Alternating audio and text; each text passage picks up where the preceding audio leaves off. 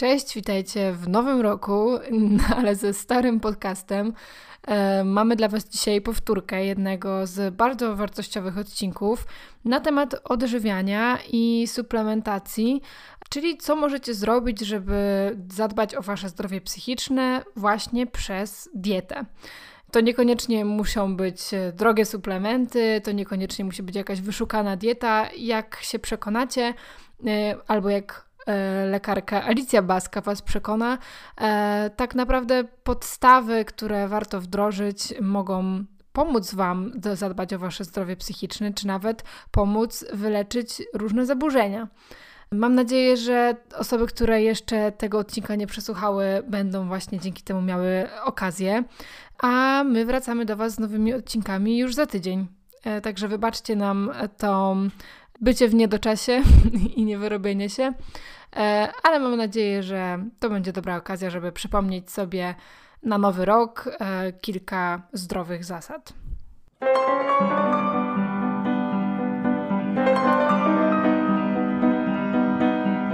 Ale teraz tak sobie myślę, czy to w takim razie leczenie zaburzeń psychicznych to de facto powinna być taka współpraca psychiatra, dietetyk, gastrolog, czy nie wiem, jakiś e, lekarz od jelit?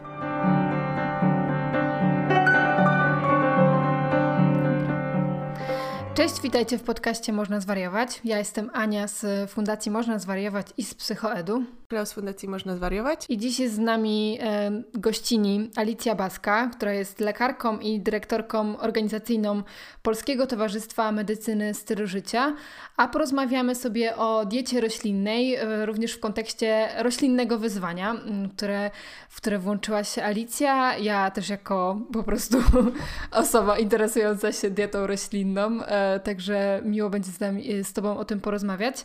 Mm, ale zanim przejdziemy do tematu, to, to może zaczniemy naszą rundką.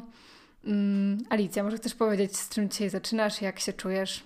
Witam wszystkich przede wszystkim bardzo serdecznie i dziękuję raz jeszcze za zaproszenie. Jak się dzisiaj czuję? No chyba całkiem dobrze. Wreszcie udało mi się e, przespać całą noc e, siedmiogodzinową, z czym miałam ostatnio problem. Powoli kończy się wyzwanie, co oznacza, że będę miała trochę mniej pracy, bo faktycznie ciężko przez cały miesiąc nad, e, i nawet dłużej nad roślinnym wyzwaniem pracujemy. No i staram się zadbać o tę równowagę pomiędzy życiem osobistym a pracą, co jest dość sporym wyzwaniem. Ale dzisiaj jest dobry dzień, świeci słońce i czuję, że będzie, że będzie dobrze. Okej, okay, dzięki. Z czym ty, Ania, zaczynasz? Ja zaczynam też z takim dużą intensywnością i co chwilę mi się coś przypomina, co jeszcze muszę zrobić i tylko ta lista zadań się zapiętrza.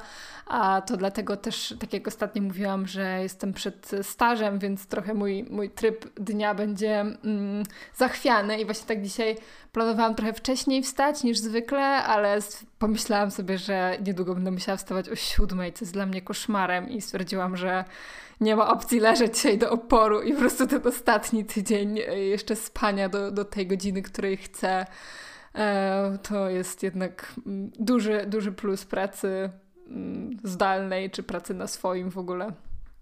Także zaczynam z takim, mm, no takim hmm, rozstaju trochę.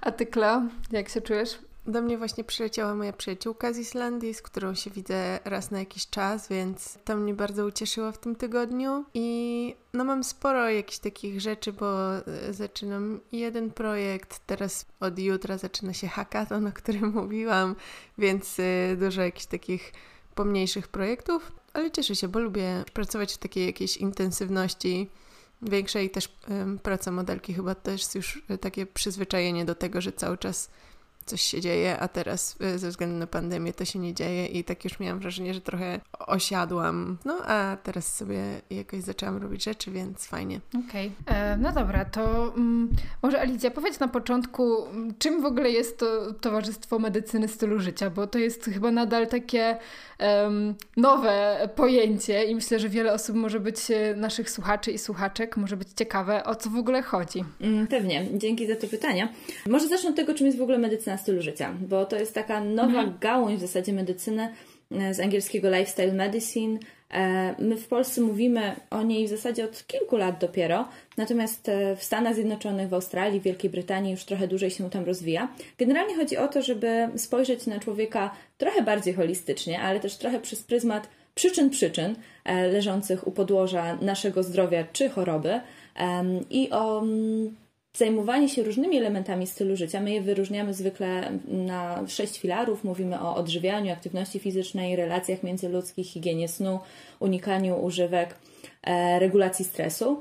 Mm, I przez pryzmat tych sześciu filarów, e, modyfikując je albo optymalizując, e, staramy się zadbać o, to, o tę pełnię zdrowia człowieka. I myśląc o zdrowiu, oczywiście mówimy o zdrowiu fizycznym, ale też o zdrowiu psychicznym i o generalnie dobrostanie.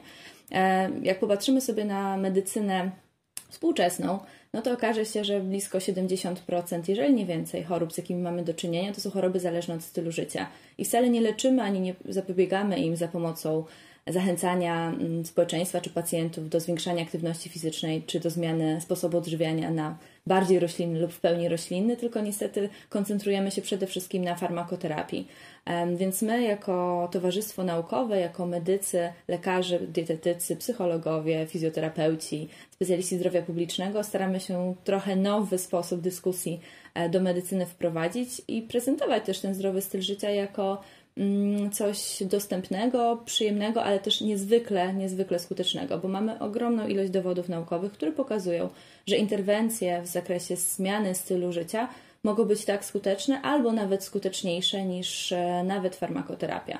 Mm, brakuje trochę wiedzy e, tego typu w procesie kształcenia przyszłych lekarzy, brakuje możliwości w zakresie naszego systemu ochrony zdrowia, żeby takie interwencje wprowadzać, no i taką trochę pracą od podstaw w tym zakresie się zajmujemy.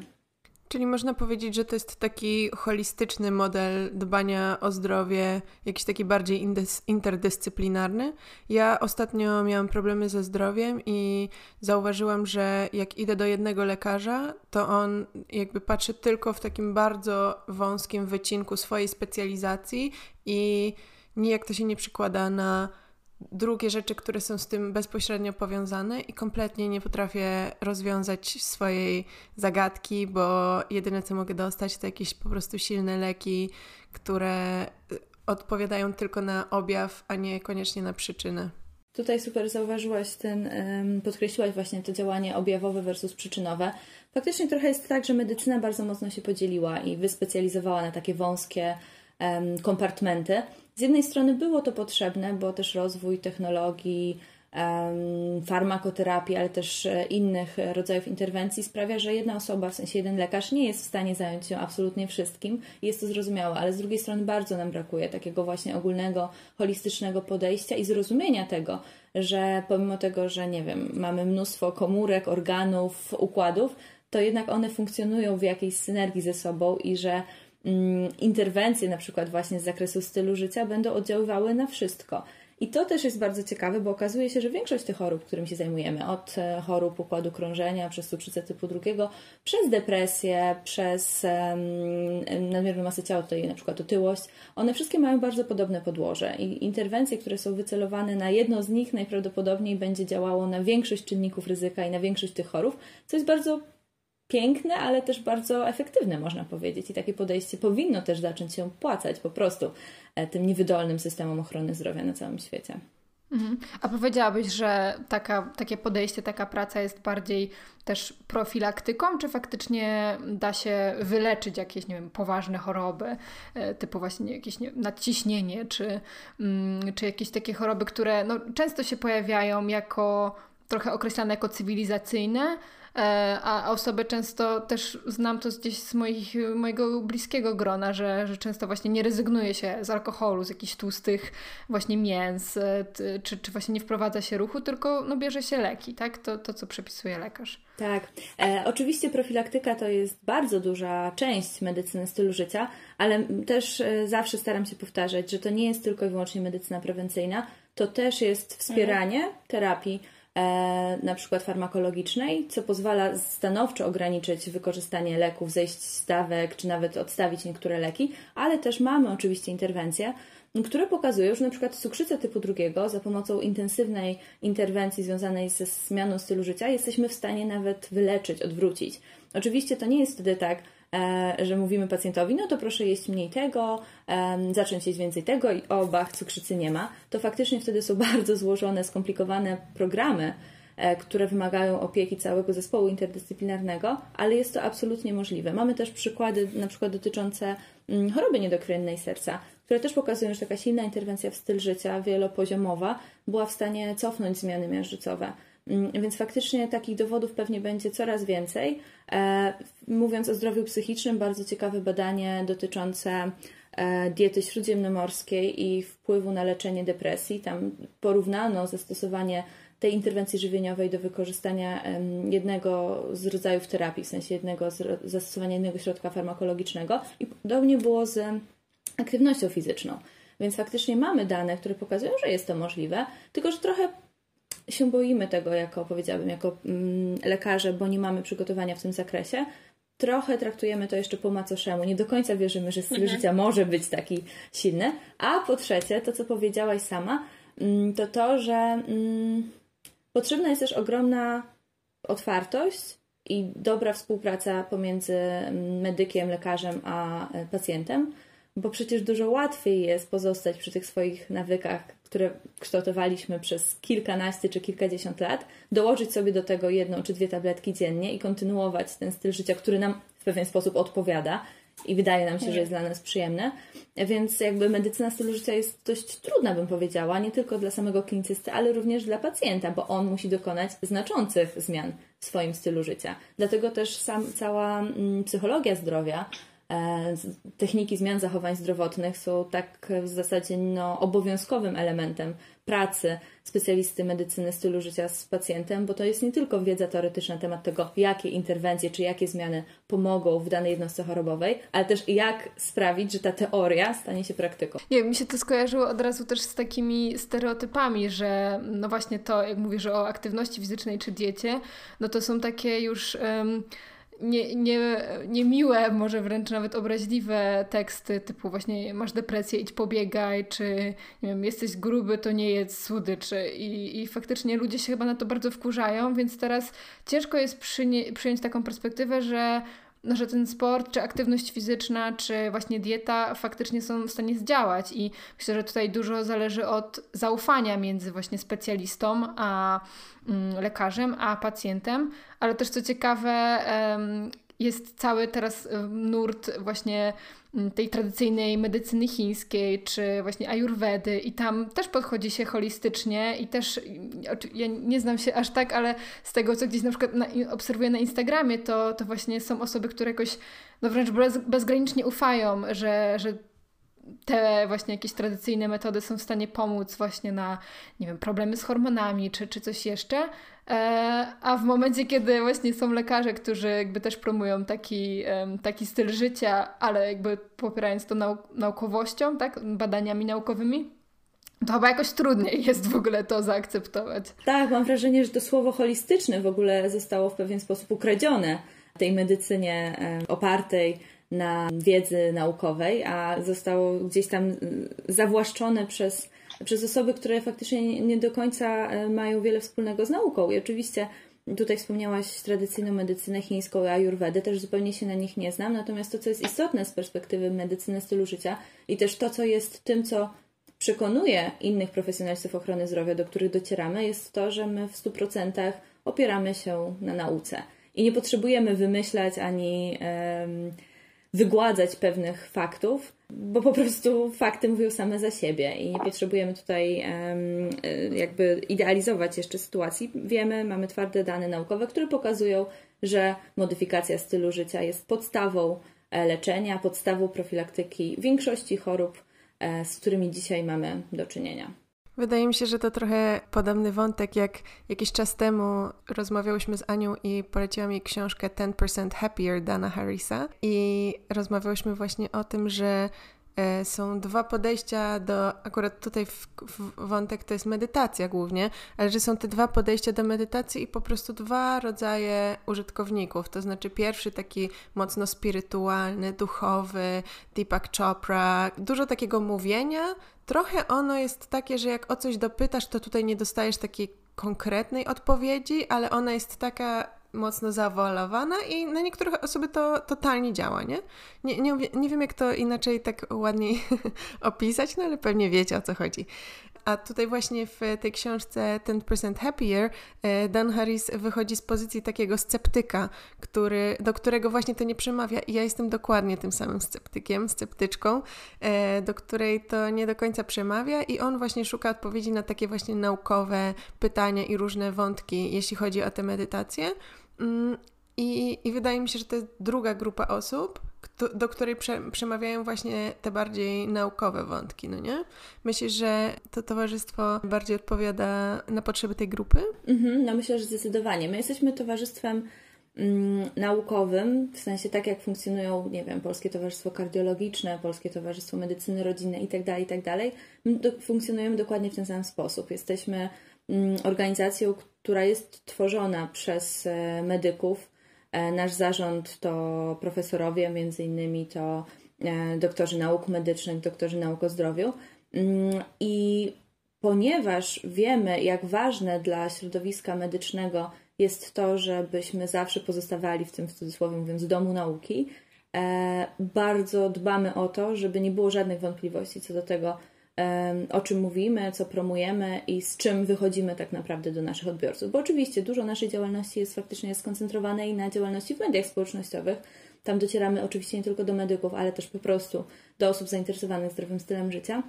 Ale tym korem naszej działalności e, jest zwiększanie świadomości samego środowiska medycznego. Więc tutaj nie ma mowy o tym, żebyśmy gdzieś e, uciekali się do jakichś niepewnych e, rzeczy, no bo wiemy, jak duży jest sceptycyzm E, środowiska medycznego. Ja pamiętam ze swoich studiów, jak po raz pierwszy zaczynałam mówić o medycynie stylu życia. Jak tworzyliśmy tę nazwę, tłumacząc to lifestyle medicine, zastanawiając się, czy to w ogóle po polsku ma sens i czy brzmi dobrze. E, pamiętam wiele dyskusji na zajęciach z różnymi prowadzącymi, z profesorami. Pamiętam mój egzamin z interny, kiedy usłyszałam od profesora, że ta modyfikacja stylu życia to ona taka mało wymierna, proszę mi powiedzieć o leczeniu farmakologicznym. więc no, więc sceptycyzm jest, ale im więcej się z nim spotykam, spotykamy, tym łatwiej nam później tak naprawdę mm, takie argumenty różne wspierać, więc myślę, że to też mocno hartuje generalnie. e, w dyskusji. Myślę, że mało rzeczy jest mnie w tym momencie w stanie zaskoczyć w kontekście tej dyskusji na temat skuteczności czy sensu e, modyfikacji stylu życia. A powiedziałaś jeszcze wcześniej, że edytując ten styl życia, jego różne aspekty. Czasami można nawet zejść z dawek leków, a czasami można nawet w ogóle zrezygnować z brania tych leków. E, I powiedziałaś też, że jeśli chodzi tam o depresję, to, no to to jest jeszcze na takim, w, w takiej fazie testowej. Mm, natomiast ja jakieś 8 czy 9 lat temu zaczęłam się leczyć na dwubiegunówkę, no i jakby wiesz, co mówią lekarze, no że raczej już te leki po prostu będziesz brać i odstawienie ich, no to no nie ma na to jakichś szczególnych perspektyw. E, myślisz, że mm, w, nie wiem, jakichś badaniach czy w obserwacjach, które prowadzicie, e, to jest coś, co może też prowadzić do takiej, takiego edytowania stylu życia do tego stopnia, że na przykład e, właśnie dwubiegunówka czy schizofrenia będą mogły być jakoś w jakimś stopniu, może nie, nie przedstawieniu wszystkich leków, ale może w, w jakimś stopniu ujarzmione tym ty, tą medycyną e, stylu życia? Nie wiem, jak e, jeżeli chodzi o schizofrenię. W sensie mamy dowody naukowe, które pokazują, że modyfikacja stylu życia korzystnie wpływa na przebieg choroby, ale nie, nie podejrzewałabym, że na przykład będzie możliwe całkowite wykluczenie farmakoterapii. Natomiast możliwe będzie na przykład redukcja pewnych objawów związanych z chorobą, czy jakieś jej wyciszenie. E, I tutaj też już mamy jakieś dane, e, które pokazują. No, najbardziej przypadano pod kątem modyfikacji stylu życia na ten moment jest depresja. I tutaj faktycznie jest bardzo dużo obiecujących e, danych. Jest w ogóle cała działka psychiatrii, która zaczyna się wyodrębniać, która nazywa się Nutritional Psychiatry. Zajmuje się nią głównie pani profesor Felice Jacka z Australii. Ona prowadzi taki ośrodek, nazywa się Food and Mood Center. Ona też napisała bardzo ciekawą książkę Brain Changer. Polecam, jeżeli, jeżeli jeszcze nie słyszałyście, nie spotkałyście. Podlinkujemy w opisie. O, super, właśnie. I tam mm, jest tak, pani profesor analizuje po pierwsze to, co się zdarzyło z naszym sposobem odżywiania na przestrzeni ostatnich iluś tam dekad. Pisze dużo o żywności wysoko przetworzonej, ale też o tym, że mm, z jednej strony jemy więcej żywności wysoko przetworzonej, e, kwasów tłuszczowych nasyconych, więcej soli, cukru. E, I to już samo w sobie negatywnie wpływa na funkcjonowanie mózgu, ale z drugiej strony sam fakt, że jemy więcej takich produktów sprawia, że zostaje nam mniej miejsca na e, produkty prozdrowotne, które też mają udowodnione dobre działanie na funkcjonowanie układu nerwowego, na funkcjonowanie mózgu, generalnie też właśnie na kwestie takie jak ryzyko depresji. Ona przeprowadziła, ona nie tylko napisała tę książkę, przeprowadziła bardzo wiele badań wcześniej, które pokazały na przykład to, że nie tylko nasz sposób odżywiania wpływa na nasze zdrowie psychiczne, ale również to, jak kobieta żywi się w ciągu e, ciąży i na początku karmienia dziecka, na początku życia dziecka, wpływa i programuje e, ryzyko na przykład występowania później u takiego dziecka depresji. A więc tutaj tych połączeń jest bardzo dużo i wracając, bo ja już zaczęłam odpowiadać na inne pytanie, wracając do Twojego pytania, myślę, że ciężko przewidywać, co się wydarzy. Myślę, że nie będziemy w stanie w większości chorób psychicznych zupełnie zrezygnować z leczenia farmakologicznego, ale jestem przekonana, że w dużej mierze będziemy mogli za pomocą modyfikacji stylu życia wpływać na występowanie i częstość występowania objawów, być może doprowadzać do jakichś okresów remisji, E, zmniejszać skutki uboczne stosowania różnych e, leków. E, I tutaj myślę, że w przypadku stosowania właśnie leków w zaburzeniach psychicznych jest to dość istotne, w sensie te skutki uboczne, objawy uboczne się pojawiają. Więc są dobre perspektywy, natomiast pewnie nie aż tak idealne, jak chciałabyś, żebym odpowiedziała. To powiedz może więcej właśnie o tej też konkretnie już diecie roślinnej, e, a, a zdrowiu psychicznym, czy, czy właśnie nawet w kontekście depresji, bo też myślę, że to jest specyficzne, że mm, no depresja jest taką chorobą, o której mówi się, że no jest to choroba przewlekła, także nigdy nie wiadomo kiedy e, może nastąpić kolejny epizod, że, że te okresy remisji mogą być e, długie, ale każdy epizod zwiększa ryzyko wystąpienia kolejnego i tak naprawdę no, trzeba mieć gdzieś z tyłu głowy, że, e, że, że może zdarzą się jakieś wydarzenia życiowe, które ten nawrót spowodują. I tak sobie pomyślałam, że, że właśnie może ta dieta też jest takim buforem przeciwko tym kolejnym epizodom lub jakoś właśnie obniża ryzyko kolejnych. Czy, czy, czy dobry jest mój trop? E, myślę, że dobry, ale myślę, że też warto na tym etapie też zwrócić uwagę że słowo mm, czy sformułowanie dieta roślinna jest bardzo mało precyzyjne, bo dieta roślinna może być e, dietą wysoko przetworzoną, zawierać sól, cukier e, i tłuszcze mm, nasycone pochodzące z oleju palmowego, mhm. oleju kokosowego. Tak, właśnie e, dzisiejszy newsletter roślinnego wyzwania był o tym i faktycznie i faktycznie na przykład wiele tych zamienników sera typu mm, Violife, to nie jest reklama, ma właśnie no, olej kokosowy, który jest nasyconym tłuszczem, czyli no, tak naprawdę jak smalec. No dokładnie, więc my o takiej diecie dzisiaj nie będziemy rozmawiać, w sensie będziemy się koncentrować na tej diecie roślinnej, którą my staramy się promować i do której staramy się zachęcać wszystkich, czyli dieta oparta na nisko przetworzonych produktach pochodzenia roślinnego. I tutaj odpowiadając na Twoje pytanie, mm, w takiej diecie jest mnóstwo substancji, które wpływają korzystnie właśnie w kontekście obniżania ryzyka depresji. Niedawno um, pojawiło się jakieś badanie właśnie pokazujące, że um, spożycie e, duże warzyw i owoców na przykład wpływa korzystnie na obniżanie poziomu lęku i stresu. E, mamy badania, które pokazują, że wysokie spożycie błonnika, czyli tutaj znowu warzyw, owoców, e, nasion roślin strączkowych, korzystnie wpływa na mikrobiotę jelitową, a bardzo często, coraz częściej, mówiąc o depresji, mówimy o tej patogenezie związanej z funkcjonowaniem e, osi jelito-mózg i że tutaj skład naszej mikrobioty jelitowej bardzo silnie wpływa właśnie na kondycję naszego zdrowia psychicznego. I te składniki, które są skoncentrowane w diecie roślinnej, nisko przetworzonej, sprawiają, że możemy myśleć o tym, że jest to korzystny wybór. Natomiast, żeby nie było tak różowo, najwięcej badań, które analizują wpływ diety i interwencji żywieniowych na ryzyko depresji czy na wspomaganie terapii depresji, koncentrują się przede wszystkim na modelu diety śródziemnomorskiej. I tam faktycznie te wyniki są obiecujące, a tam wiemy, że jest spożycie dość spore kwasów omega-3 pochodzących z ryb. I tutaj faktycznie, jak przeanalizujemy, no to kwasy omega-3 korzystnie wpływają na e, zdrowie psychiczne. Natomiast w diecie roślinnej to, co może być niekorzystne w przypadku mm, źle zbilansowanej diety, jest to, że często niestety, i jak badamy wegan, wegetarian, to okazuje się, że suplementacja witaminy B12 nie zawsze przebiega tak, jak powinna przebiegać. Niestety wciąż są duże deficyty, niedobory, a to jest jedno z większych zagrożeń związanych w ogóle z dietą roślinną. No i wiadomo, witamina B12 jest obowiązkową, e, obowiązkową substancją, którą musimy sobie dostarczać spoza diety, jeżeli decydujemy się na eliminację produktów odzwierzęcych. No i okazuje się, że witamina B12 i inne witaminy z grupy B również mają wpływ na funkcjonowanie naszego mózgu e, i niedobory witaminy B12 są powiązane ze zwiększonym ryzykiem depresji. Więc tutaj znowu odpowiedź nie jest jednoznaczna, mm, jeżeli, chodzi o samą dietę roślinną, bo jeżeli to będzie dieta faktycznie idealnie zbilansowana, no to najprawdopodobniej możemy korzyści znacząco osiągać. Aczkolwiek naukowcy są wciąż podzieleni, jeżeli chodzi o, o analizę. E, przed naszym spotkaniem czytałam bardzo ciekawą metaanalizę, czyli taki zbiór e, analizujący wiele różnych badań mm, dotyczących właśnie wegetarianizmu i weganizmu w kontekście e, zdrowia psychicznego i funkcji poznawczych z 2021 roku, z marca, także świeżutka.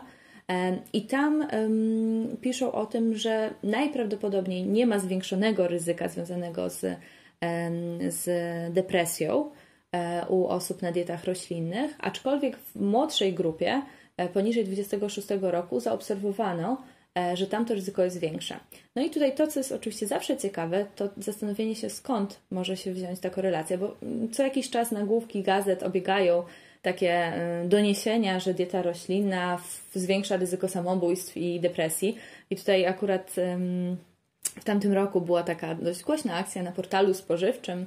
Opublikowano artykuł, który był opatrzony właśnie takim kontrowersyjnym, clickbaitowym nagłówkiem, że trzeba jeść mięso, żeby nie mieć depresji. Okazało się też, i to nawet oni napisali, że ten artykuł był sfinansowany przez fundusze mięsa wołowego. Mm, e, co już trochę wzbudza pewne podejrzenia, aczkolwiek trzeba przeczytać całość. E, no i tam było dużo takich informacji nie do końca potwierdzonych, natomiast właśnie najważniejszy w tym wszystkim jest ten aspekt e, związany skąd może wynikać ewentualnie większa predyspozycja u osób stosujących stricte diety roślinne mm, do zwiększonego ryzyka depresji. No i okazuje się, i to jest najczęstsza hipoteza, która się pojawia w większości opracowań, a kilka z nich czytałam, Mm, to taka, że osoby, które decydują się na wybór diety roślinnej, są wyjściowo trochę bardziej predysponowane do tego, żeby mieć e, zaburzenia takie jak depresja. W sensie, że to jest taka odwrotna, odwrotny związek przyczynowo-skutkowy, mm, wynikający na przykład z większej wrażliwości, jeżeli mówimy na przykład o tych względach etycznych, więc e, tutaj myślę, że upatrywałabym ewentualnego negatywnego skutku w tym. Natomiast mówiąc o tym pozytywnym skutku i tym, czy możemy sobie interwencjami żywieniowymi pomóc, jeżeli chorujemy na depresję czy na inne zaburzenia, no to zdecydowanie ta wysoka jakość diety, wysokie spożycie warzyw, owoców, wysokie spożycie nasion roślin strączkowych, wysokie spożycie mm, orzechów, i tutaj znowu to omega-3, chociażby z orzechów włoskich, chia czy siemienia lnianego, zdecydowanie jest w stanie oddziaływać e, korzystnie. Co więcej, diety roślinne też mają duży ten potencjał, nazywamy go mm, antyzapalny. I tutaj depresja też coraz częściej mówi się o tym, że ma podłoże zapalne, tak jak e, meta-inflammation, tak jak większość chorób, jak układy krążenia, cukrzyca, choroby układu krążenia, cukrzycy typu drugiego itd., tak itd. Tak to podłoże jest wspólne, znajduje się właśnie e, w przewlekłym E, stanie zapalnym o niskim natężeniu, który jest związany m.in. ze złą jakością diety, a przypominam, że produkty odzwierzęce sprzyjają stanowi zapalnemu, zwłaszcza przetworzone mięso, czerwone mięso, produkty, które zawierają wysokie w ogóle stężenie e, kwasów tłuszczowych nasyconych, więc ten antyzapalny profil diety roślinnej może zdecydowanie korzystnie oddziaływać na nasze zdrowie psychiczne. No właśnie, e, dużo było takich artykułów, w których był ten taki słynny napis jelita to drugi mózg, no nie? E, I teraz się zastanawiam, bo mm, w całej mojej przygodzie e, psychiatrycznej ja nigdy nie usłyszałam takiej, nic o takiej kwestii od e, żadnego lekarza, ale teraz tak sobie myślę, czy to w takim razie leczenie zaburzeń psychicznych to de facto powinna być taka współpraca psychiatra, dietetyk, gastrolog, czy nie wiem, jakiś e, lekarz od jelit? Myślę, że, e, mm, że gastrolog, a gastroenterolog niekoniecznie, natomiast e, konsultacja dietetyczna jak najbardziej pod kątem właśnie stworzenia diety e, przeciwzapalnej, dostosowania jej oczywiście do Twoich indywidualnych potrzeb, przemyślenia tych składników, które szczególnie w przypadku właśnie chorób psychicznych są korzystne dla funkcjonowania, jak najbardziej. Tutaj właśnie e, profesor Felix Jacka coraz częściej też podkreśla, że, e, że nie ma dzisiaj leczenia chorób psychiatrycznych bez pamiętania o tym holizmie i o całym organizmie człowieka. Zwłaszcza, że to też się super uzupełnia. W sensie z jednej strony nasz styl życia cały, już nie tylko odżywianie, warunkuje to, jak się czujemy, a z drugiej strony to, jak się czujemy, warunkuje nasz styl życia. E, czyli generalnie, jeżeli na przykład no, pacjenci z depresją w okresie tego nawrotu choroby na przykład mają problemy z tym, żeby faktycznie zdrowy styl życia utrzymywać. E, więc tutaj też interwencje skierowane w tę drugą stronę, po to, żeby zmniejszać czynniki ryzyka związane ze stylem życia dla rozwoju innych chorób, bo przecież ten pacjent, chociaż obciążony depresją, może też chorować na szereg innych chorób, albo może w przyszłości pracować na kolejne choroby, więc tutaj to podejście holistyczne obejmujące całość no, byłoby bardzo wskazane i pewnie jest marzeniem tak naprawdę, jeżeli chodzi o taki publiczny system ochrony zdrowia. I niestety pacjent zostaje sam z tym, że musi się zastanowić, czy w takim razie potrzebuje jeszcze dietetyka, czy może udać się gdzieś tam, E, i tego szukania jest e, bardzo dużo. No więc właśnie, czy myślisz, że wtedy jak już dostajesz tę diagnozę i propozycję jakiegoś leczenia farmakologicznego, no bo to jest jakby zazwyczaj oczywisty kolejny krok, to e, takie, taki pacjent, taka pacjentka powinna tutaj się tak, e, wiesz, wstrzymać i pomyśleć, ok, może w takim razie pójdę do dietetyka albo nie wiem, może, może do waszego towarzystwa, e, i, i, i spróbuję zbadać ten wątek jelitowy, bo być może się okaże, że nie muszę brać leków? Myślisz, że to jest w ogóle możliwe taki ten tok? Bo też y, chciałam o tym powiedzieć, dlatego że farmakoterapia to jest za każdym razem tak. Leki zaczynają działać po 3-4 tygodniach, potem te leki trzeba brać przez przynajmniej pół roku, więc to już się robi długa przygoda, zanim w ogóle zaczniesz jeszcze myśleć o jakichś alternatywnych rzeczach, no nie? To nie jest takie, tak, że te leki zaczynają działać od tak i możesz sobie odstawić od tak. Tak, zdecydowanie, ale mm, absolutnie, absolutnie nie zwlekałabym z rozpoczęciem farmakoterapii. Robiłabym to równolegle. E, równolegle starałabym się zadbać o te pozostałe filary. Skonsultowałabym się też na pewno z dietetykiem, ale tak jak mówisz też, no my jako towarzystwo staramy się e, gromadzić wśród naszych członków osoby, e, lekarzy różnych specjalizacji, którzy tą medycyną stylu życia też zajmują się w ramach swoich specjalizacji. I współpracujemy na przykład z psychiatrami, którzy doceniają wartość i istotność modyfikacji stylu życia więc pewnie, pewnie mm, polecałabym na przykład skontaktowanie się z takim lekarzem. Natomiast e, samo kombinowanie na własną rękę z e, przeciąganiem, od, odkładaniem w czasie, z zmienianiem dawek farmakoterapii, absolutnie bym tutaj nie, nie próbowała, zwłaszcza, że zwykle farmakoterapia też jest już włączana w dość krytycznych momentach. W sensie dużo pacjentów trafia w, do psychiatry trochę za późno, można powiedzieć.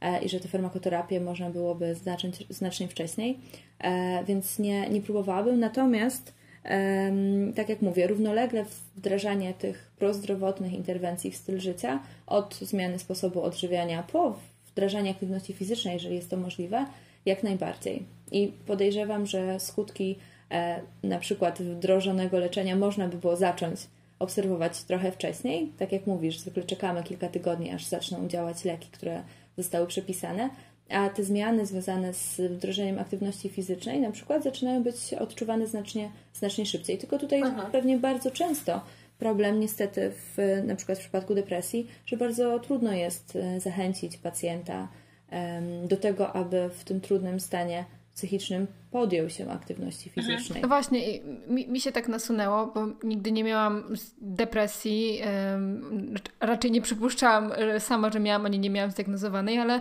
no jak każdy miałam jakieś gorsze momenty psychiczne w swoim życiu e, i to mi się zazwyczaj kojarzy właśnie z takim e, stanem, że nie mam motywacji, nie mam siły i najchętniej to zjadłabym paczkę chipsów, zamówiła jakieś jedzenie albo nie wiem, je, jem jakieś przypadkowe rzeczy, które akurat mam, bo na przykład nie mam siły stać przy gankach i wymyślać jakichś warzywnych kompozycji, albo nie chce mi się iść po zakupy. E, no i właśnie to jest to jest też chyba wyzwanie, nie? Jak zachęcić osobę w depresji, żeby, mm, żeby zmieniła też podejście, bo my często też mamy bardzo skomplikowane relacje z tym jedzeniem i, i jedzenie jest nagrodą.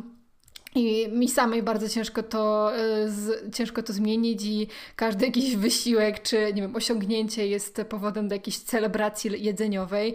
Też no, żyjemy w takiej kulturze, że mm, właśnie to jedzenie się często celebruje z rodziną, ze znajomymi, wychodzimy gdzieś na jedzenie, ale też no, sami kupujemy sobie, nie wiem, coś słodkiego w trudny dzień, nie? Um, więc jak, jak zmienić to, to nastawienie? Czy jak zachęcić osobę, która też no, ma prawo nie mieć siły, żeby, żeby podjęła ten wysiłek jednak. Hmm. Ja myślę, że to jest naprawdę bardzo duże wyzwanie i wymaga dużego doświadczenia i też dobrej relacji z pacjentem, ale też dlatego no, taki rodzaj interwencji wciąż jest mm, podlega badaniom.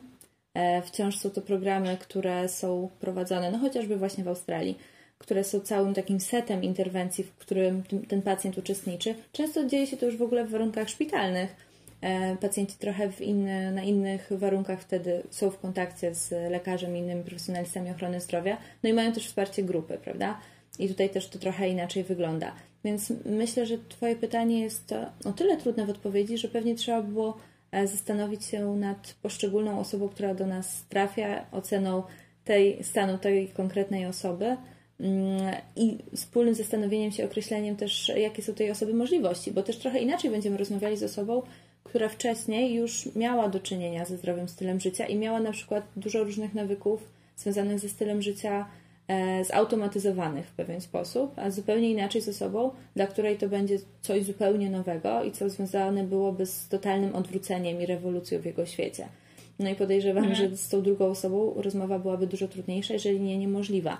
Dlatego też no, podstawą naszego działania w takiej sytuacji zawsze, zawsze, pewnie przez długi czas będzie jeszcze farmakoterapia. Natomiast dlatego też myślę, że to wsparcie farmakoterapii, a nie jej zastąpienie, wsparcie farmakoterapii za pomocą modyfikacji stylu życia będzie tym czymś, co będzie się teraz najszybciej rozwijało, nawet właśnie w warunkach takiej pracy mm, jeden na jeden w gabinecie lekarza. Mhm. No właśnie, ale wspomniałaś, e, wspomniałaś o szpitalu i o tym, że, że to jest miejsce, gdzie można też wprowadzać zdrowe nawyki. I przypomniało mi się, jak jakieś dwa lata temu byłam na stażu na oddziale psychiatrycznym i, i był taki trening. Um, co, co, były, były, różne zajęcia zaplanowane i co tydzień był trening, który albo prowadziłam ja i to była jakaś psychoedukacja, e, albo prowadziła pielęgniarka i to była na przykład rozmowa o jakichś chorobach. E, no i właśnie była też kwestia kiedyś e, diety. E, no i pielęgniarka sama właśnie też mówiła, że, że właśnie jak powinna wyglądać dieta, to były jakieś bardzo podstawowe informacje i jakby sama przyznała, że no niestety na oddziale mamy dietę jaką mamy, a oczywiście były to kluski, pulpety, jakieś pierogi. E, oczywiście ta, mm, ta dieta, ta, ta jakby koszt e, wyżywienia na jedną osobę był ogromnie niski i, i nawet do tego stopnia, że, że to był tylko jeden posiłek, a powinny być dwa. Mm, więc jakby obiad zazwyczaj składał się z jakichś produktów mącznych, e, czasami jakieś mięso, ale to też nie mogło być nic e, jakiegoś wyszukanego. E, raczej mało warzyw i, i tak naprawdę no, no było to przykre, bo, bo tak jak e, ta świadomość była jakkolwiek wśród zespołu, no to niestety w polskich warunkach nie dało się tego wprowadzić, tak? I, i te diety szpitalne, no to w ogóle są czasami absurdalne i, i krążą jakieś zdjęcia smutnych kanapek i jakieś nie wędlin e, po, po internecie, ale no, no właśnie, tutaj jest chyba też ogromna systemowa praca domowa do zrobienia. Zdecydowanie i to jest ogromnie frustrujące to, co, to, co powiedziałaś. I mm, ja akurat miałam to szczęście, że będąc na stażu z psychiatrii, byłam w szpitalu tutaj w Warszawie, w którym była nawet opcja diety roślinnej. Więc pacjenci faktycznie mogli zdecydować było sporo pacjentów na diecie roślinnej.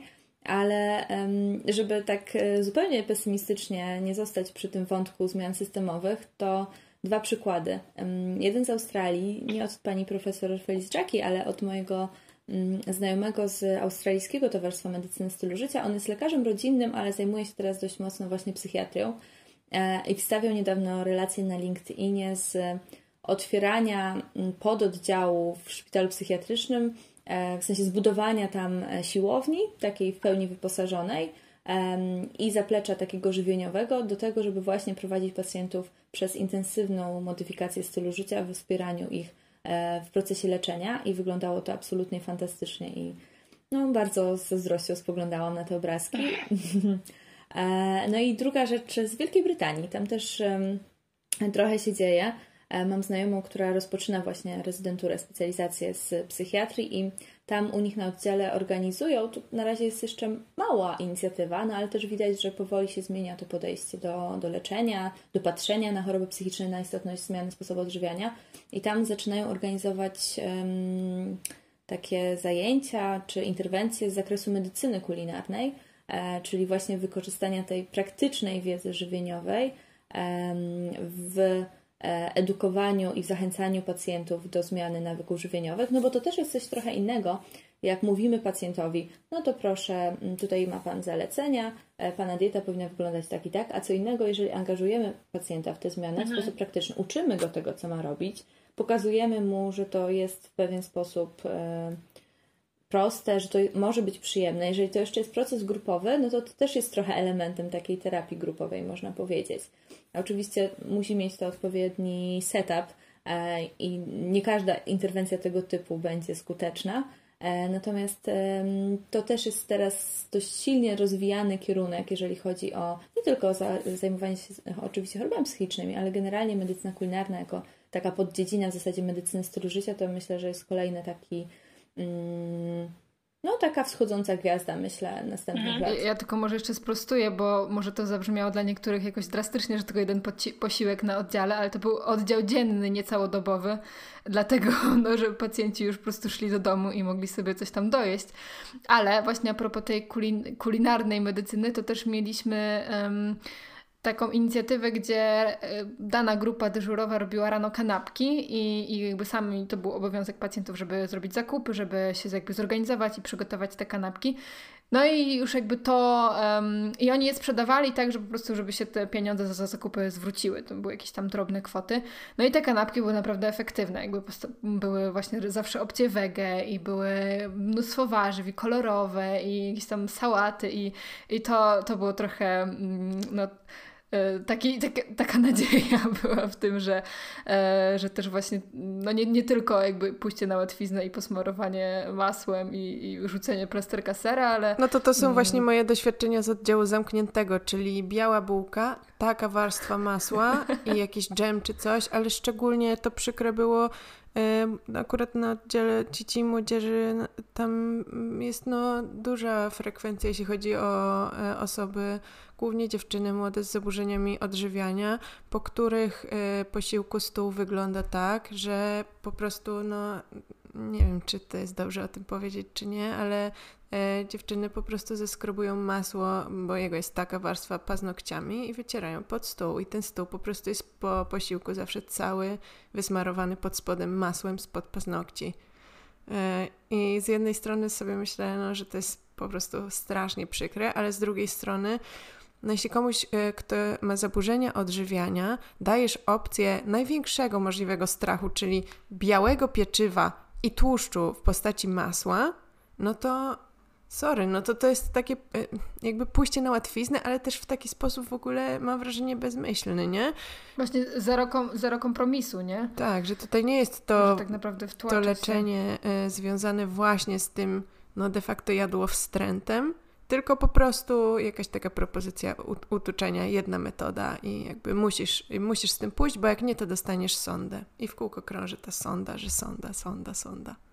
No, bardzo marzę, żeby się zmieniło to podejście, bo faktycznie mm, dużo, dużo dobrego, ale też niestety dużo złego wciąż się słyszy o o tym, jak wygląda mm, funkcjonowanie czy opieka nad pacjentem psychiatrycznym. No właśnie, a czy przy okazji to nie jest y, jakoś y, ta medycyna stylu życia jakoś. Y, nie, mm, czy właśnie pacjentki i pacjenci z zaburzeniami odżywiania to nie jest y, akurat dla nich super propozycja?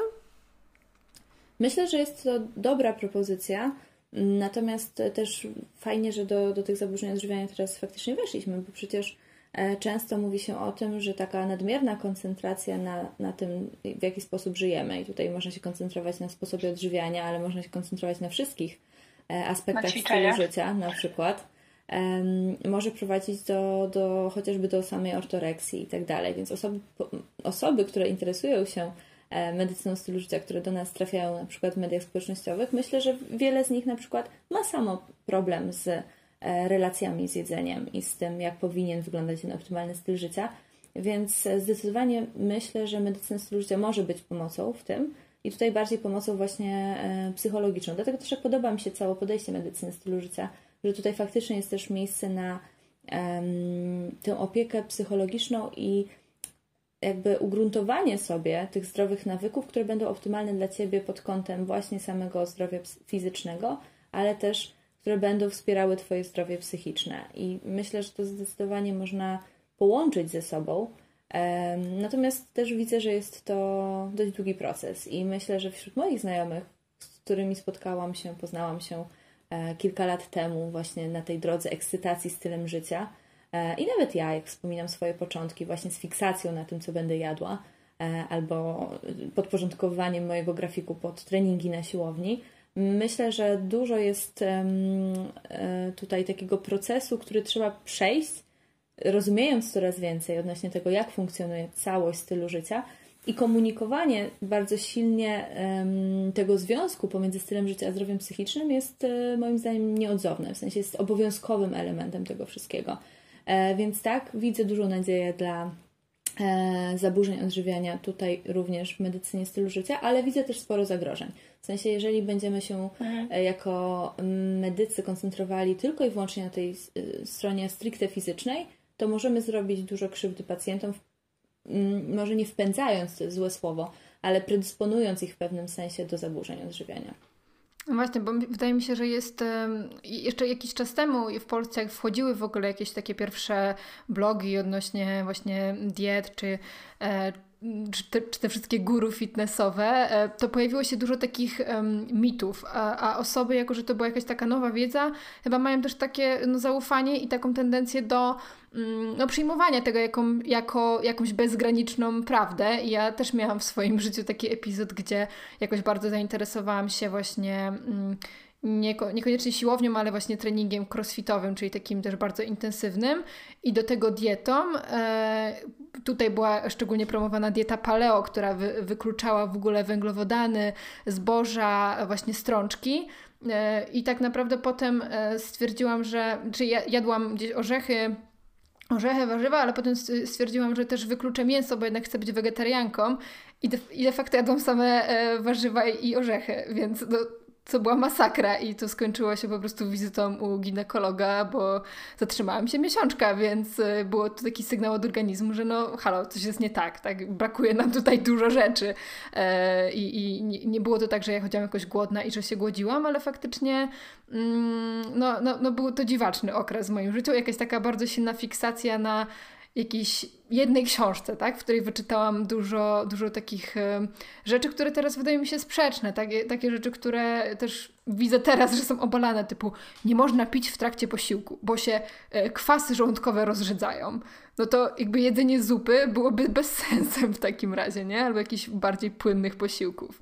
Mm, no i, i, chyba to jest właśnie to, to zagrożenie i ta pułapka, że, że gdzieś też chyba właśnie młode osoby mogą jakoś bezgranicznie w to Pułapką w tym wszystkim jest to bardzo często, że stylem życia zaczynają się zajmować osoby, które nie mają do tego żadnych kompetencji. I oczywiście nie mówię, że lekarze tak. na przykład mają dużo kompetencji, bo nas tego też nie uczą. I o to walczymy Aha. i też prowadzimy certyfikacje dla medyków z właśnie zakresu medycyny stylu życia, po to, żeby trochę te braki wyrównywać, ale przez to, że ten grunt przez tak długi okres czasu był niezagospodarowany, no to było mnóstwo takich samozwańczych guru od zdrowego stylu życia, którzy zrobili bardzo wiele krzywdy. I tutaj wspomniałaś trochę o swojej fiksacji. No jakby mm, ja cały czas to widzę przeglądając Instagrama. Mam wrażenie, że jest tego coraz mniej. No wiadomo, że żyję w swojej bańce i obserwuję te osoby, które chcę obserwować. E, natomiast e, mam wrażenie, że już to clean eating, cheat meal i tak mm, dalej, o, liczenie tak. kalorii e, co do jednej koniecznie, że to powoli gdzieś tam odchodzi do, do lamusa i zaczynamy trochę bardziej intuicyjnie też podchodzić do jedzenia ale też zaczynamy mówić o wszystkich innych komponentach, takich jak na przykład istotność regeneracji, mhm. poszukiwania tego, tej równowagi pomiędzy ilością pracy a ilością e, czasu na inne rzeczy. E, regulacja stresu, i tutaj też myślę, że znowu jest niesamowite to, że okazuje się, że to wszystko jest ze sobą tak niesamowicie połączone. No bo tak, ty już też trochę zahaczyłaś o ten temat, że często w sytuacjach bardziej stresowych sięgamy na przykład po konkretne produkty, no więc właśnie, może tą interwencją zamiast tej interwencji żywieniowej pod tytułem proszę tego nie jeść, bo to jest złe, będzie najpierw poszukanie w tu jakby pierwotnej przyczyny do tego, dlaczego ten pacjent w tej danej sytuacji ma ciągotę do jakiegoś konkretnego produktu. No i zaraz się okaże na przykład, e, że może ten stres jest tak niewyregulowany, że najpierw zajęcie się tym stresem sprawi, że będzie mu łatwiej zmienić nawyki żywieniowe, bo jak już będzie stres wyregulowany, to nie będzie czuł tego wiecznej, tej wiecznej chęci czy tego napędu do sięgania po konkretne produkty. To może być jeden przykład. Inny przykład może być zupełnie inny. E, I tutaj bardziej na przykład zajęcie się tym zdrowiem psychicznym i e, potrzebami Twoimi własnymi e, i tym, że w pewien sposób na przykład kompensujesz swoje nawyki żywieniowe niewłaściwymi wyborami żywieniowymi i pewnie na przykład psychoterapia będzie też czymś, co pozwoli Ci dotrzeć do tych pierwotnych przyczyn różnych, e, różnych sytuacji czy różnych wzorców w Twoim życiu. No, więc jakby to jest niesamowite, bo to wszystko jest po prostu ze sobą powiązane. W którą stronę, czy od którego elementu byśmy nie popatrzyli, e, to okazuje się, że w, albo w jedną stronę ta, ten mechanizm będzie działał, albo zaraz będzie tu pętlą wracał w drugą. Więc tutaj tych korelacji można było miliony tworzyć. Mhm. No właśnie, ale też ta, ta rola stresu, o którym wspomniałaś i, i, i też z tego, co gdzieś ja wyczytałam, to, mm, to właśnie też stres powoduje te różne stany zapalne i, i mnóstwo różnych hormonów wtedy się pojawia. To nie, nie jest tylko kortyzol, ale też inne, których e, nawet już teraz nazw nie pamiętam. E, I to jest faktycznie cały taki bardzo połączony z sobą mechanizm właśnie na osi tej jelitowej e, też ostatnio nawet podsyłam Kleo mm, konto dziewczyny na Instagramie, która zajmuje się um, jakby terapią trądziku, czy, czy jakichś zmian skórnych, właśnie też poprzez dietę i efekty były naprawdę no, spektakularne, tak jak dziewczyny wysyłały jakieś zdjęcia porównując. E, I jakby cały ten mechanizm... Jak, jakby były zrobione w Photoshopie. Tak, i, i cały ten mechanizm wręcz. był też opisany na zasadzie właśnie e, podłoża stresu i właśnie roli mikrobioty jelitowej i jakby wszystko, wszystko mi się tak połączyło w tym momencie, że, że naprawdę myślę, że jest to um, bardzo też no, skomplikowany jednak mechanizm. Nie każdy pewnie, nie dla każdego pewnie jest to taki wow, tak, teraz właśnie to mnie przekonuje. Tak, to prawda. No stres, e, ty wspomniałaś tutaj o chorobach dermatologicznych, no ale przecież coraz częściej się mówi o, tak, o powiązaniu stresu z nowotworami, ale też mhm. z chorobami układu krążenia. Też mamy twarde dowody naukowe, które pokazują, że na przykład e, pacjenci, którzy e, mają wyższy mm, samo jakby na tej skali stresu sami oceniają, że tego stresu mają więcej, na przykład gorzej przechodzą przez niektóre choroby, ich rokowanie jest generalnie gorsze. Tak samo jak na przykład bardzo niedoceniana kwestia wsparcia społecznego i tych relacji międzyludzkich. No nie bez powodu one też są jednym z filarów medycyny stylu życia, bo też okazuje się, że mm, osoby, które mają jakiegoś rodzaju wsparcie społeczne, i to nie musi być partner, partnerka, to może być przyjaciel, przyjaciółka, może być po prostu e, cała siatka Twoich znajomych, które, którzy są dla Ciebie wsparciem, czy nawet jakby takie e, nie aż tak głębokie relacje, ale to poczucie tworzenia jakiejś społeczności i przynależności, ono jest niezwykle mhm. potrzebne człowiekowi. Tak, to, to odsyłamy do naszej rozmowy z Olą Piejką właśnie na temat samotności, która zajmuje się badaniami nad połączeniem samotności, wpływu samotności na układ krwionośny. No właśnie, układ krwionośny, ale generalnie długowieczność. E, jest, nie wiem, czy mhm. kojarzycie te niebieskie strefy? To są takie tak, miejsca, tak, tak. No właśnie, miejsca na świecie, gdzie e, jest największy odsetek e, stulatków. No i tam jest na podstawie analizy tych pięciu miejsc na świecie, w zupełnie różnych lokalizacjach geograficznych, okazało się, że mm, no jedną z tych, jednym z czynników poza tymi wszystkimi dietetyczno-aktywnościowymi i tak dalej, są właśnie relacje międzyludzkie, ale też poczucie sensu w życiu. E, poczucie przynależenia do społeczności, duchowość, nie rozumiana koniecznie jako religijność, po prostu taka duchowość, coś więcej e, niż, e, niż to, co widzimy tutaj dookoła. Mm, one też mają ogromny, ogromny wpływ. No i jest kolejny element, który też łączy się z nawykami żywieniowymi dość mocno, czyli higiena snu, generalnie sen i dobra jego jakość. Też zupełnie do tej pory pomijana w, mm, w medycynie. Nie wiem, czy ktoś podczas jakiejś rutynowej wizyty u lekarza, pierwszego kontaktu pytał Was kiedyś o to, jak śpicie, ile śpicie czy czujecie, aby to w jakiś sposób wpływało na Wasze zdrowie. No ale też wiemy, że dzisiaj mamy dość dużą deprywację snu, którą sami sobie fundujemy. To się też odbija negatywnie na na przykład na tej regulacji stresu, ale też na naszych nawykach żywieniowych. Też mm, ten brak snu wpływa na to, że na przykład będziemy spożywali więcej kalorii albo będziemy bardziej zainteresowani żywnością wysoko przetworzoną, zawierającą e, dużo cukru czy dużo tłuszczu. Mm, więc no tutaj znowu to też jest ze sobą połączone, więc nie sposób się nie zająć po prostu całym człowiekiem, jeżeli chcemy, aby on ogólnie dobrze funkcjonował. Natomiast nie trzeba robić wszystkiego też od razu. E, bo to jest i trudne dla, dla pacjenta, dla jednej osoby rewolucjonizować życie, ale często jest tak, że jedna dobra, korzystna zmiana, po której zaczynamy czuć się lepiej, pociąga ze sobą szereg kolejnych i to też jest mhm. E, takie bardzo piękne i optymistycznie nastawiające. A ty bierzesz e, udział w roślinnym wyzwaniu, czy to znaczy, że według swojej całej bogatej wiedzy na temat diet, jedzenia i jego wpływu jesteś Jesteś osobiście zwolenniczką diety roślinnej właśnie? Mm, tak, zdecydowanie jestem e, zwolenniczką diety roślinnej. Tutaj e, pracujemy właśnie nad tym merytorycznym kontentem całego roślinnego wyzwania wspólnie z, z moim zespołem z Polskiego Towarzystwa Medycyny Stylu Życia. Promujemy hasło dieta roślinna na receptę. E, chcemy z roślinnym wyzwaniem nie tylko dotrzeć do każdego, kto byłby zainteresowany zmianą swoich nawyków żywieniowych, ale przede wszystkim tę dietę roślinną chcemy zaprezentować medykom jako coś, bez czego uważamy, że dzisiejsza profilaktyka oraz wspieranie i leczenie chorób nie powinno istnieć. I tutaj pod, pod nazwą dieta roślinna oczywiście dużo rzeczy się kryje, już jakby abstrahując od tego, że mówimy oczywiście o żywności nisko przetworzonej, no to też nie idziemy zero-jedynkowo pod tytułem to musi być 100% dieta roślinna albo w ogóle bez sensu, tylko bardziej mówimy o tym, żeby dieta była oparta przede wszystkim na produktach pochodzenia roślinnego i im więcej będzie, im większy udział będzie tej, e, tych produktów pochodzenia roślinnego, tym lepiej, no ale jeżeli będzie to 90 czy 80%, to też jest dobrze. Natomiast to taki przekaz ogólny, ogólnospołeczny, ale czemu właśnie dieta roślinna, a nie śródziemnomorska, o której wspomniałeś wcześniej, albo jakaś inna paleo?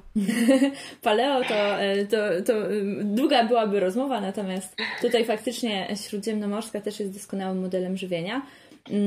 No, stawiamy na tym, żeby jednak bardziej restrykcyjnie podejść do redukcji spożycia. Myślę, że też dieta śródziemnomorska no, niezbyt jest lokalna i sezonowa, a jednak tutaj na, na naszym gruncie ciężko może zdobyć byłoby takie super świeże ryby, które faktycznie mają te kwasy omega-3, a nie są gdzieś z jakiejś po prostu hodowli. To prawda. No wiecie, jakby tak niektórzy, niektórzy wkładają do worka diet roślinnych dietę śródziemnomorską.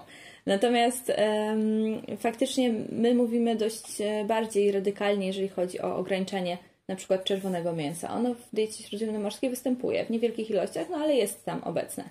E, więc tutaj jakby promujemy odejście zupełnie od mięsa czerwonego i robimy to nie tylko ze względów zdrowotnych, ale też bardzo bliski nam jest ten element planetarny. E, dieta planetarna, wpływ systemu żywnościowego na emisję gazów cieplarnianych, no jest tematem, który jest, e, powinien interesować w zasadzie każdego, dotyczy każdego. E, zmiana klimatu jest jednym z największych zagrożeń dla całej medycyny, nie, no, dla całego świata, ale jeżeli popatrzymy już pod tym kątem naszym i naszego podwórka, no to mówi się o tym, że to jest e, istotne i realne zagrożenie dla zdrowia i życia człowieka. Więc dlaczego też nie komunikować informacji dotyczących zmiany sposobu odżywiania jako jednej z najważniejszych strategii zmniejszania emisji gazów cieplarnianych, takich globalnych, no bo wiemy, że sektor żywnościowy odpowiada za jedną trzecią emisji gazów cieplarnianych, czyli tyle co sektor energetyczny. Dlaczego wciąż koncentrujemy się tylko i wyłącznie na sektorze energetycznym, a nikt nie mówi o globalnej transformacji systemu żywnościowego? No, więc tutaj też trochę odpowiedzi dostarcza dieta roślinna i dieta planetarna. I myślę, że ten aspekt też jest dość silnie zaznaczony właśnie w, w naszym podejściu do, do diety roślinnej i tego, czym, czemu akurat nią się zajmujemy. Jest sporo badań, które pokazują, oczywiście, jeżeli już wracamy do samego zdrowia, mm, że dieta roślinna w niektórych przypadkach może być lepsza niż sam model diety śródziemnomorskiej, natomiast te badania są jeszcze, powiedziałabym, mało. Um, no jeszcze wiele przed nami. Potrzebujemy większej, większej ilości badań, które faktycznie by e, na dużej grupie przez długi okres czasu przebadały i porównały ze sobą dietę mm, śródziemnomorską versus e, dietę mm, stricte roślinną pod takim kątem populacyjnym, no ale na różnych jednostkach chorobowych e, jakieś mniejsze próby były robione, mm, no i wyniki były, są obiecujące. Mhm. Myślę, że na koniec też warto podkreślić, że, że właśnie to, to nie musi być taka deklaracja już na całe życie. Jeśli chcecie spróbować diety roślinnej, to nikt Was nie powinien jakoś z tego rozliczać i też nie rozliczajmy innych, tak, że, że każdy ma też prawo do jakichś odstępstw i, i dla właśnie czasami naszej, naszego jakiegoś spokoju, czy, czy no nie wiem, spełnienia jakiejś zachcianki żywieniowej, e, każdy z nas ma, ma prawo, nie wiem, zjeść pizzę, czy jakieś ulubione danie, I, i, I, jednak ja też się spotkałam z jakimś takim, e, z takim spięciem, że jak już teraz jestem e, wege, no to już nigdy nic nie mogę tam zjeść, e, ale gdzieś też z powodów zdrowotnych, no jedna lekarka poleciła mi, żeby na jakiś czas wrócić do, do jedzenia mięsa i nie wiem, no, czy to pomogło, czy coś innego, ale, ale faktycznie z tego mojego dziwnego marazmu ograniczania różnych, różnych rzeczy wtedy wyszłam na prostą, nazwijmy to. Mm, ale może jeszcze właśnie, e, jakbyś mogła Alicja podsumować, e, jeśli ktoś już chce wejść tak na poważnie w tą dietę roślinną, to, to o czym należy pamiętać? Właśnie jakie suplementy, czy, czy właśnie suplementacja na własną rękę, czy w konsultacji z lekarzem, co byś polecała? Więc e, kilka rad dotyczących wprowadzania diety roślinnej. E, to pierwszą radą byłoby dołączenie do roślinnego wyzwania dla zdrowia. E, można się cały czas zapisać jeszcze roślinne wyzwanie dla zdrowia.pl. A powiedz, czy te newslettery są na, na stronie roślinnego wyzwania? Można sobie do tych artykułów wrócić? One później będą zebrane. Teraz jest tak, że jeżeli okay. ktoś dołącza 26 maja, tak jak dzisiaj, no to dostanie newsletter pierwszy i przez następne 30 dni będzie dostawał, czyli jakby wszystko, cały pakiet i tak dostaje. Mhm. E, natomiast e, a propos innych porad, e, to myślę, że tak jak już wspomniałaś, bardzo się cieszę, że to też wybrzmiało, że ta radykalizacja, zero-jedynkowość nie wspiera naszych zmian. I myślę, że po prostu na miarę własnych możliwości warto to dostosowywać. Natomiast jeżeli decydujemy się na to, że chcemy spróbować w 100% diety roślinnej, to na pewno należy włączyć suplementację witaminy B12 i to jest jedyny obowiązkowy suplement. Na blogu Iwony Kibil jest ładnie rozpisane ile, kiedy, w jakiej formie. E, podsumowuję to, także też e, zachęcam, żeby sobie przeczytać dokładniej. Jeżeli chodzi o inne składniki, no to pamiętajmy o tym, że ponieważ decydujemy się na wykluczenie jakiejś całej grupy produktów z naszej diety, no to teraz musimy znaleźć dla nich jakiś sensowny odpowiednik. To nie jest tak, że wykluczamy mięso i w tym miejscu zostaje jakaś luka, która nie zostanie zapełniona. My mamy roślinne źródła białka, które muszą się w tej luce znaleźć. Więc e, tutaj e, codzienne spożycie nasion roślin strączkowych byłoby e, wskazane.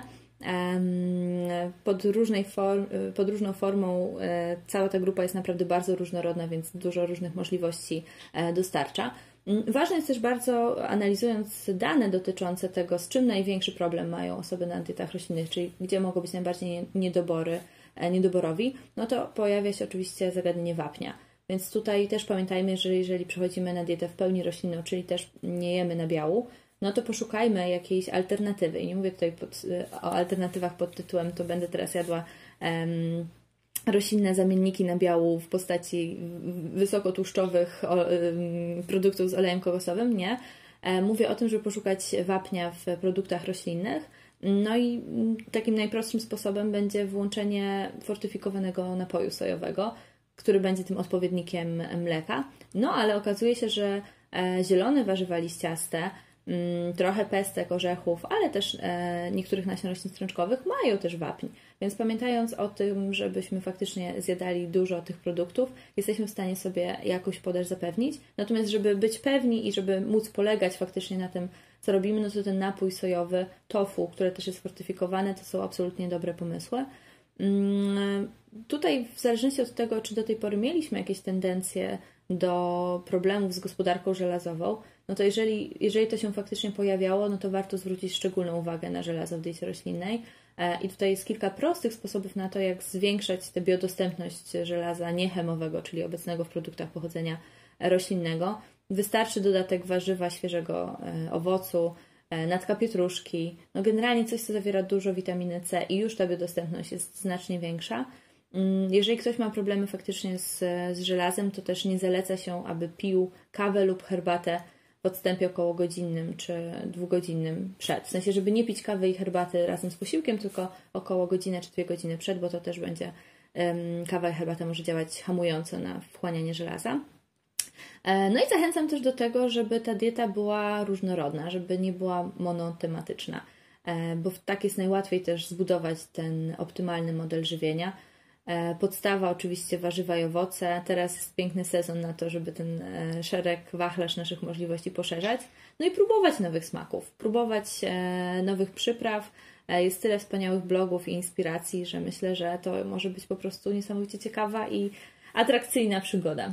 No i pomaga jeszcze zaangażowanie najbliższych w to. W sensie, czy to będą um, najbliżsi partner, partnerka, E, czy przyjaciel, czy osoby, z którymi pracujemy, włączenie kogoś w taką zmianę e, nam, nas wspiera w jej utrzymywaniu, dodatkowo motywuje. Poza tym też e, no, razem jest raźniej i razem możemy odkrywać te nowe możliwości. Mhm.